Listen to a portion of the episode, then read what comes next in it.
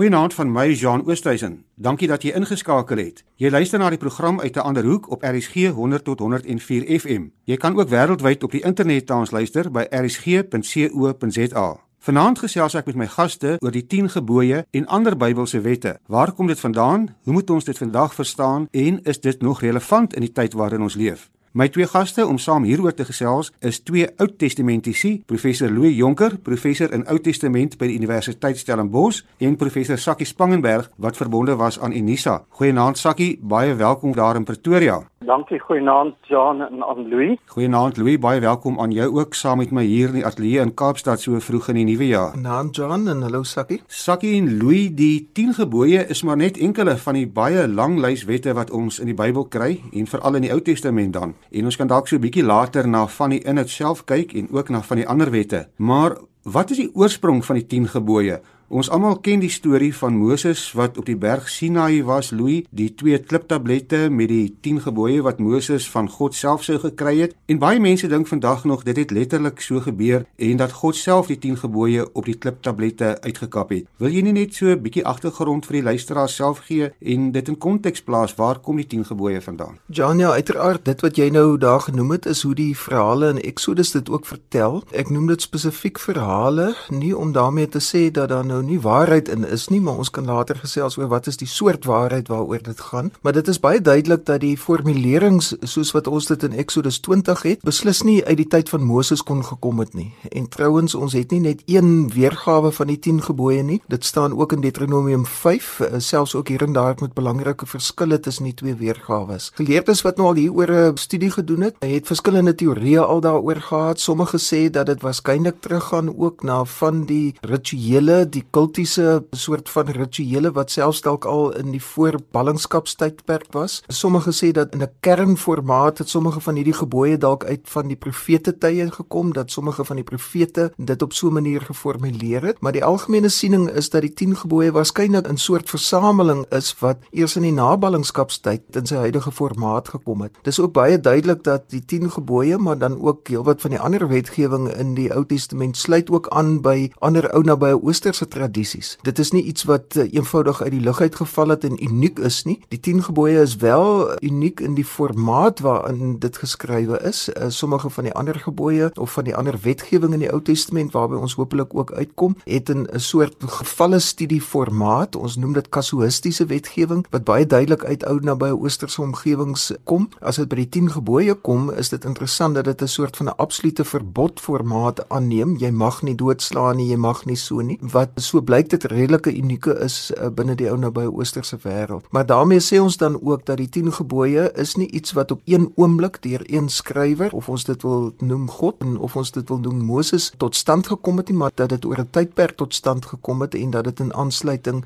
met die wêreld rondom Israel gebeur het. Dankie. Ek gaan nou weer terugkom na die uniekheid al daai nie daarvan.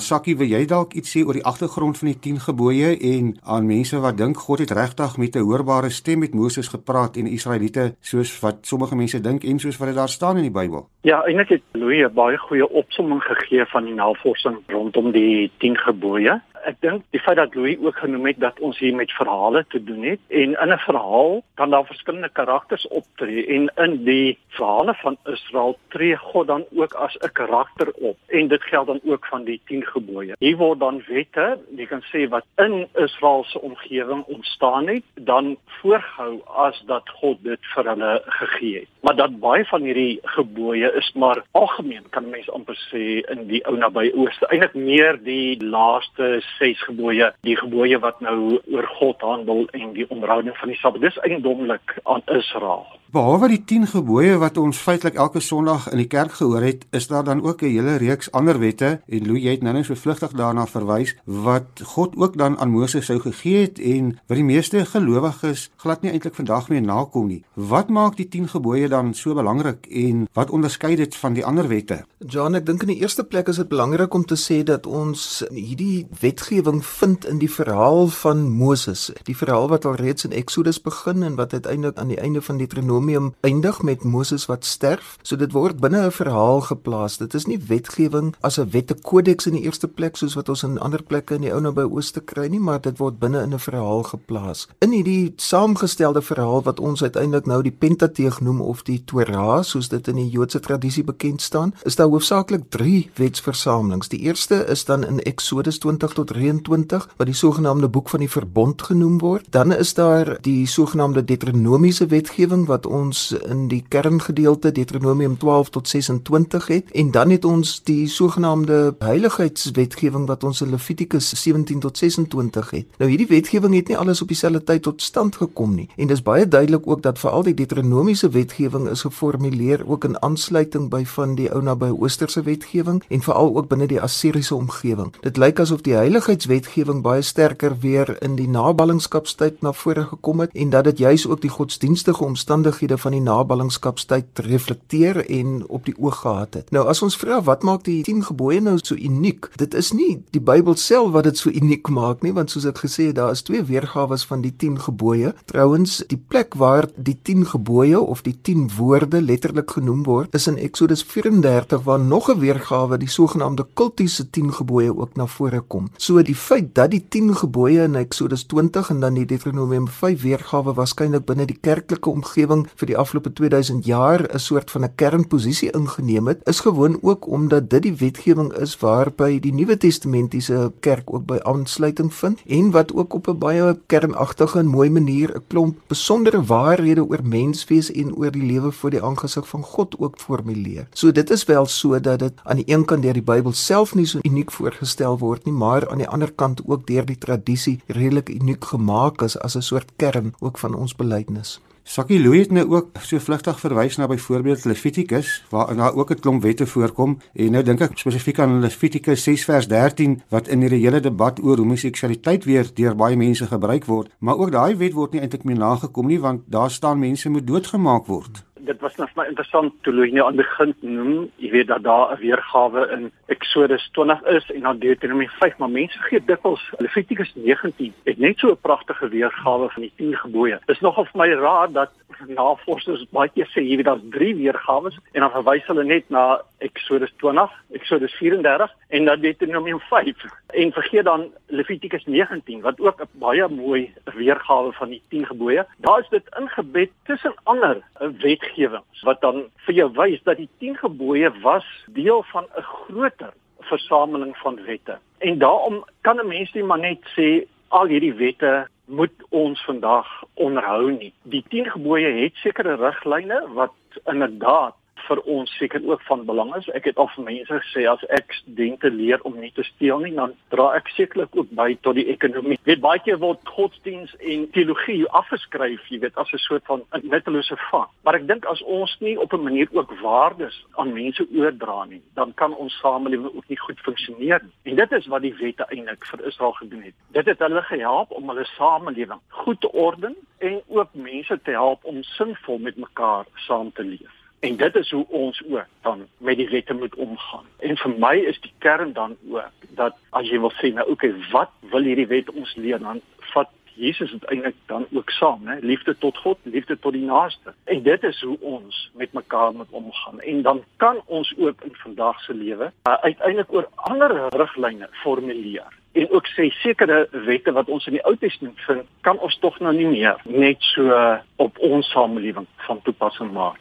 Jan, as ek daarbey mag aansluit, ek dink Sakkie beklemtoon juis ook die feit dat hierdie soort wetgewing het in konkrete samelewings, godsdienstige gemeenskappe tot stand gekom. Ek dink die een ding wat dikwels deur Bybellesers nie genoegsaam in ag geneem word nie, is die feit dat dit ook by mekaar aansluiting vind, mekaar herinterpreteer. Dit is oor 'n baie lang tyd, oor eeue heen dat hierdie wetstradisies gegroei het. Sakkie het ook verwys na Jesus Christus, soos wat die evangelies dit vertel, 'n samevatting van die wet, maar ook in die evangelie evangelies vind ons dat Jesus dan uiteindelik ook sou sê, julle het gehoor dat julle voorvaders so gesê het, maar ek sê vir julle so. Dit wil sê daar is ook 'n proses van herinterpretasie wat konstant deur die totstandkoming van die Ou Testament en later die Nuwe Testament ook dan ter sprake is. En dit moet ons nie buite rekening laat nie. Die wetgewing funksioneer nie in 'n vakuum nie. En daarom is dit so dat die wetgewing wat ons in die Ou Testament het, veral dikwels vreemd klink. Uh, gebruik dikwels vir my studente een van die mees vreemde goed, naamlik dat daar word ergens gesê dat as jy swamme in jou huis opmerk, dan moet jy die priester gaan roep en dan moet die priester kom kyk of hierdie swamme rooierig of groenerig is en dan moet daar allerlei rituele gebeur. Nou ek is goddank dankbaar dat toe ek dominee in 'n gemeente was, het niemand my geroep om te kom kyk na die swamme in hulle huise nie. Trouwens, ek het genoeg in my seun se kamers opgemerk, maar daaroor het ek ook nie te veel gesê nie. Dit wil sê dat hierdie wetgewing kom in bepaalde kultiese omgewings, bepaalde wêreldsiening omgewings tot stand wat nie eenvoudig net so op die oppervlak geneem kan word en dan in 'n nuwe wêreld soos ons in neergesit kan word nie. Sakkie, hierdie heilige geskrifte waarvan ons nou praat, is sekere heilige geskrifte op 'n hoër vlak as ander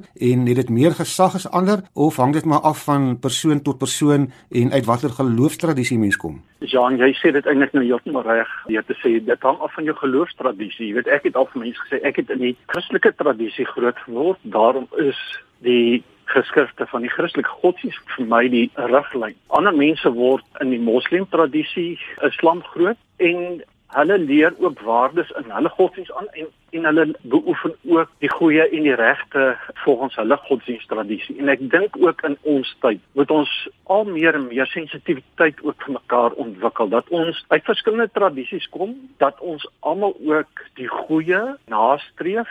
Daar is uitwasse in alle godsdienste, maar daar is ook goeie in alle godsdienste. En dit is wat ons moet nastreef om die goeie uit te bou in ons tradisies en mekaar se hande te vat om ook 'n goeie samelewing daar te stel waarin mense van verskillende godsdiensttradisies met mekaar kan saamleef. Kom ons kyk miskien net vlugtig net so na een of twee van die gebooie wat daarna verwys word en een van die 10 gebooie waaroor daar al baie gestry is in die verlede is die Sabbatsgebod en wat 'n mens op 'n Sondag mag en nie mag doen nie. Ek is darem al toegelaat om op Sondag te swem, maar daar was 'n tyd toe Sondagsport groot debatte uitgelok het sakkie en baie dominees wat daar teen gepreek en selfs Sondagkoerante. En deesdae is dit algemeen algemeen dat mense op Sondag werk, winkels is oop. Waar trek 'n mens dan die streep en wat mag gelowiges op 'n Sondag doen en wat nie? Ja, Jan, as ek nou dink aan my jeugjare, jy weet, was dit nog 'n baie harde reël. Jy weet, daar was selfs ouer mense wat gesê jy mag, nie naaldwerk doen nie want jy gaan met die naald in God se oog steek. My skoonma wat 'n keer by ons kom kuier het, sy doen graag naaldwerk, hekel, brei, wat ook al. Sy wil dit nie op Sondag doen nie en ek sê van maar sy kan vrede maak dan. Dit is mensgemaakte reëls. En ek dink dit is wat gebeur het in veral die westerse samelewing dat veral dan in die protestantse tradisie met die geweldige klemtoon van die Sondag wat jy mag nie werk doen nie. Jy weet en dan is daar nou allerlei uitbreidings gemaak terwyl dit uiteindelik nog menslike uitbreidings is. Ek dink dit is goed om 'n dag te hê waarop 'n mens kan rus en 'n mens moet ook ek dink veral arbeiders in ag neem. Hierdie wetgewing wil juis ook agslaan op die arbeider, op die slaaf, die slavin en ook in ons samelewing, dan moet vir mense ook tyd gemaak word. Sonder om dit nou 'n rigiede reël te maak van almal moet nou op hierdie dag rus in. Jy mag nie X Y en Z doen. Maar dat daar 'n dag van rus van bietjie ontspanning vir almal behoort te wees kan almal net goed doen Louis, hoe sien jy die Sabbatsgebod en wat dink jy hoe moet so 'n dag gevier word? John, ek sou sê in die eerste plek moet mense onthou dat 'n mens moet gaan vasstel wat was die bedoeling van hierdie wetgewing gewees in die tyd waarin dit geskrywe is en in die tyd waarin dit gekommunikeer het. As ons bloot net van die teks afspring na ons eie tyd toe, dan is ons geneig om ook in die tekste geweld aan te doen. In hierdie geval lyk dit vir my in die eerste plek lyk dit of die een tradisie wou sê, onthou dat die skepping is nie soos wat dit in ander ou nabye tradisies was 'n klomp gode wat met mekaar beklei en dan kom daar ook 'n wêreld tot stand waarin die mense uiteindelik die gode die hele tyd moet gelukkig hou nie. Soos wat Genesis 1 dit ook alselfs beskryf, sê natuurlik dat God dit alles gemaak, maar uiteindelik loop dit uit op die harmonie, op die vrede volheid van God se skepping loop dit uit op die verhoudings wat tussen God en mens, tussen God en natuur, tussen natuur en mens alles intact is. En dit moet gereeld onthou word. Aan die ander kant ook weer, moet dit onthou word dat God die verlosser God is wat die volk uit die Egiptiese slawerny gelei het. Dit wil sê onthou ook in julle feesviering, in julle rituele in die godsdienstige omgewing dat daar 'n verlossing sit agter hierdie gemeenskap. So bloot net daai twee dinge maak dit al ontsettende ryk ding. Dit gaan vir my gevoel dink ek nie in die eerste plek net oor rus nie. Dit gaan nie net oor om asem te skep na 'n lang week nie. Dit is natuurlik ook welkom, maar dit gaan in die eerste plek ook daaroor om te onthou dat God die wêreld gemaak het as 'n vredevolle plek wat in harmonie met mekaar is, maar aan die ander kant ook dat God die verlosser God is.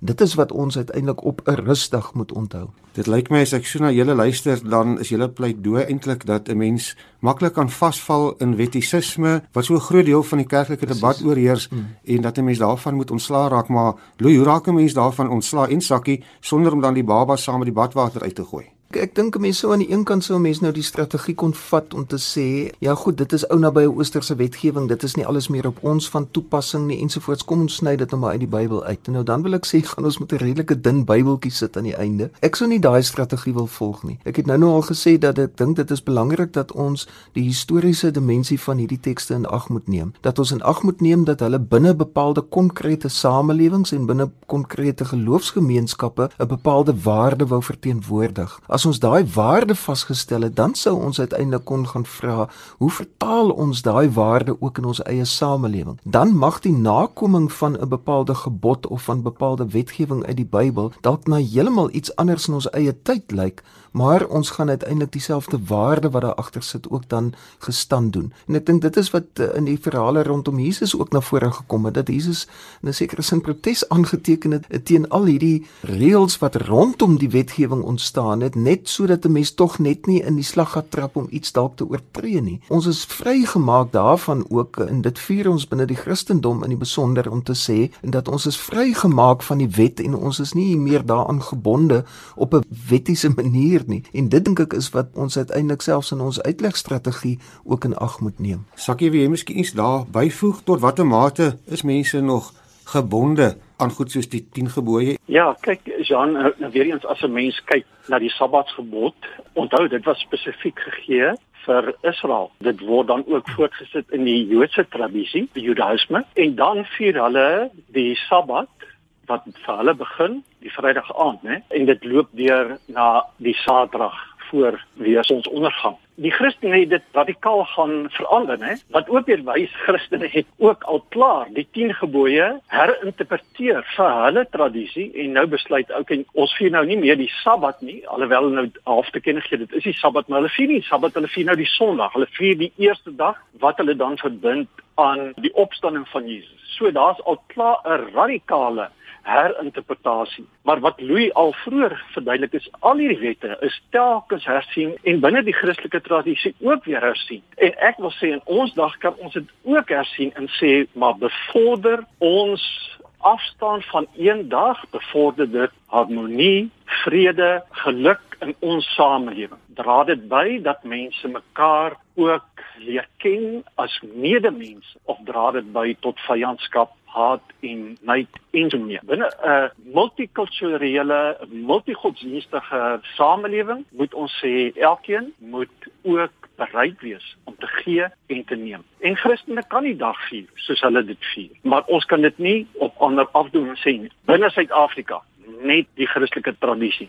Ons weet ons sit met verskillende Christelike tradisies ook en ons sit ook met verskillende godsdienste in hierdie land. Ja, enigiemand wat al in Israel was sal weet hmm In Israel mag jy nie eers of die Jode in elk geval nie eers huisbak se knoppie druk op die Sabbat nie en dit is seker Louis mens ons so dan kyk wettisisme op sy ergste so wat mense dit kan kry. Absoluut. 'n Oud kollega van my en wat voorheen 'n kamermaat van Sakkie was in Helderberg, Leon Fouchee het altyd gesê hy draf nie oor 'n naweek nie want hy wil veilig speel deur beide die Sabbat en die Sondag heilig te hou.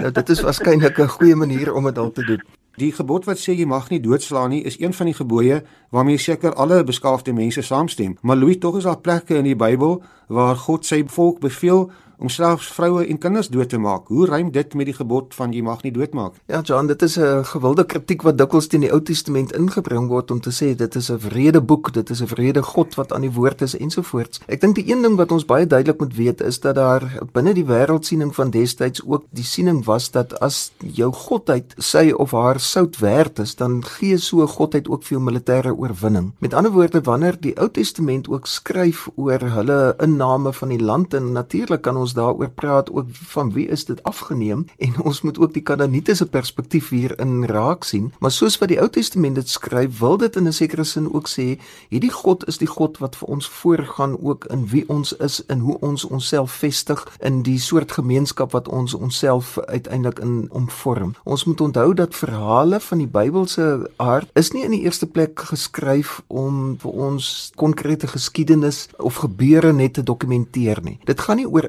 interessantheid hier nie. Dit gaan uiteindelik om ons te oortuig van 'n bepaalde identiteit wat die godsvolk vir homself inneem en wat veral dan ook godsdienstig gemotiveer is. En daarom is dit nie as 'n spanning beleef om te sê jy mag nie doodslaan nie. Dit is so dat God dan vooruitgegaan het soos wat hulle dit beskryf in hulle verhale om al wat 'n volk is dood te slaan om vir hulle die ruimte te gee om te kan leef. Maar dit staan nie in teenstelling vir hulle verstaan om te sê maar dit is nie hoe ons met mekaar omgaan nie. 'n Interessante uh, gedeelte in die Ou Testament wat Ferdinand Duist vir my persoonlik baie gehelp het om uit te lê, is die hele kwessie van 'n tand vir 'n tand en 'n oog vir 'n oog en 'n lewe vir 'n lewe.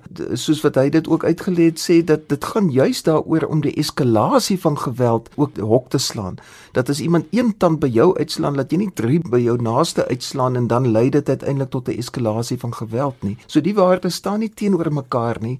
In die Ou Testament is ook 'n boek wat uiteindelik nie geweld wil aanblaas maar wat geweld wil beperk. Jan, my het ek so 'n bietjie verskil hier met Louis in terme van hoe God in daai samelewing verstaan is. Dit is so dat dit is hoe hulle uh, hulle God verstaan het. Jy weet en dit was algemeen hoe mense oor hulle gode gepraat het. Jy weet vir my is dit interessant ons het nou pas die dood van George Bush gehad dat hy kort na die val van die Berlynse muur die uitspraak gemaak het van God se dank ons het die koue oorlog gewen. Jy weet hoe dat dit tot in ons dag word God aan die kant van die oorwinnaar beskou en ons moet van daai soort tradisie regtig begin afstand doen van om ons gode in te roep as gode wat ons regverdig om wreed te wees. En daar sê ek wat die Ou Testament betref, moet 'n mens daai soort wetgewing en daai soort verhale baie krities uiteindelik mee omgaan en dit ook lees. Ons kan nie in ons samelewing meer soos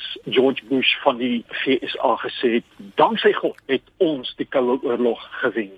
God het nie net so min as wat God oor by bloedrivier die voortrekkers laat wen nie. Ons kan nie meer met daai soort idee van 'n godheid wat mense in staat stel om oorlog te voer en ander mense te vernietig. Ons moet in ons samelewing wegkom van daai soort verstaan van die godheid. Ons moet afsluit. Ek wil dan net graag dan solte vir julle vra, miskien eers vir jou Louie. In die tyd waarin ons nou leef, is daar ook ander wette en handveste. En ek dink byvoorbeeld aan die handves van menseregte. Maar die handves van menseregte verskil in baie opsigte van die wette in die Bybel en van die voorbeelde is 'n verbod op diskriminasie teen vroue, diskriminasie op grond van seksuele oriëntasie en dis eintlik in konflik met van die voorskrifte in die Bybel. My vraag is, wat staan gelowiges dan te doen as die handves van menseregte in botsing is met hulle verstaan van die Bybel? John, ek wil terugkom na die punt wat ek nou 'n paar keer gemaak het, naamlik om te sê dat ons die Bybelse geskrifte in die eerste plek moet verstaan binne hulle kontekste van destyds. En daarmee sê ek allermins dat ons dan dit presies op dieselfde manier moet gaan doen. Ek dink daarmee Sakie het my van daarvan verdink dat ek uh, geweld wil aanblaas nie,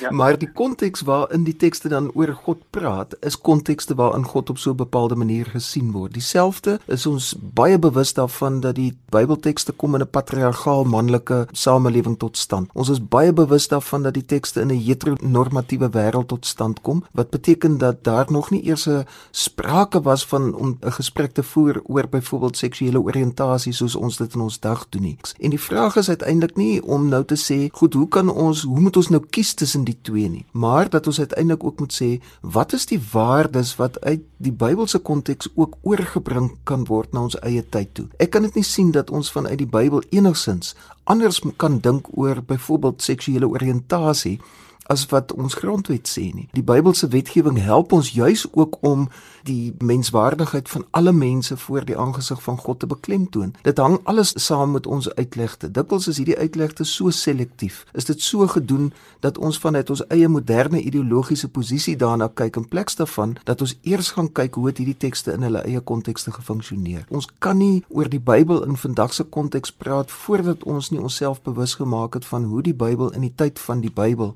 gekommunikeer het nie. Sakkie 'n kort laaste woord van jou. Wat maak 'n mens dan met hierdie konflikte van die ou Bybelse wette wat daar dikwels is teenoor sien nou maar die handves van menseregte? Jean, ek dink dit hang ook saam met die ontwikkeling. Louis het dit aan die begin beklemtoon, hè, dat ook die 10 gebooie wys vir ons dat dit in verskillende kontekste herinterpreteer is. As ons vandag sê maar ons gaan anders om met mense wat 'n ander seksuele oriëntasie as die een wat ek het. 'n Mens moet besef, tye het verander. Ons leef eeue en eeue later en ons kan eenvoudig nie wette wat in 'n samelewing ontstaan het waar mense anders gedink het oor seksualiteit, anders gedink het oor hulle wêreld, anders gedink het oor hulle samelewing, selfs anders gedink het oor die godheid. Nou maar net daai wette op ons samelewing toepas maak. Dan moet ons sê nee, nou dink ons anders, nou doen ons anders want ons weet ook beter as wat daardie mense geweet het. Daarom mag ons ook sê ons laat nou hierdie wetgewing links. Ons verstaan waar dit vandaan kom, maar ons hoef dit nie meer na te volg. Hieroor sê ons seker nog sommer baie baie lank uit verskillende hoeke kon gesels, maar ons tyd is verstreke en ek moet vir oulaas groet. Baie dankie aan my twee gaste, professor Louis Jonker, professor in Ou Testament by die Universiteit Stellenbosch en ook aan professor Sakkie Spangenberg, ook 'n Ou Testamentikus in Pretoria. As jy 'n mening hieroor het, kan jy vir ons 'n SMS stuur na 45770. Dit kos jou R1.50 per SMS of besoek ons Facebookblad uit 'n ander hoek. My e-posadres is jean.oosthuizen@gmail.com. Baie dankie aan almal wat die afgelope 13 weke weer saamgeluister het waar ons uit 'n ander hoek na spiritualiteit gekyk het. Onthou, al die programme in die reeks, sowel as die vorige reekse, is ook as potgoeie op RSG se webwerf beskikbaar as jy weer daarna wil luister. Totsiens van my, Jean Oosthuizen, tot 'n volgende keer wanneer ons weer uit 'n ander hoek gesels. Goeienaand.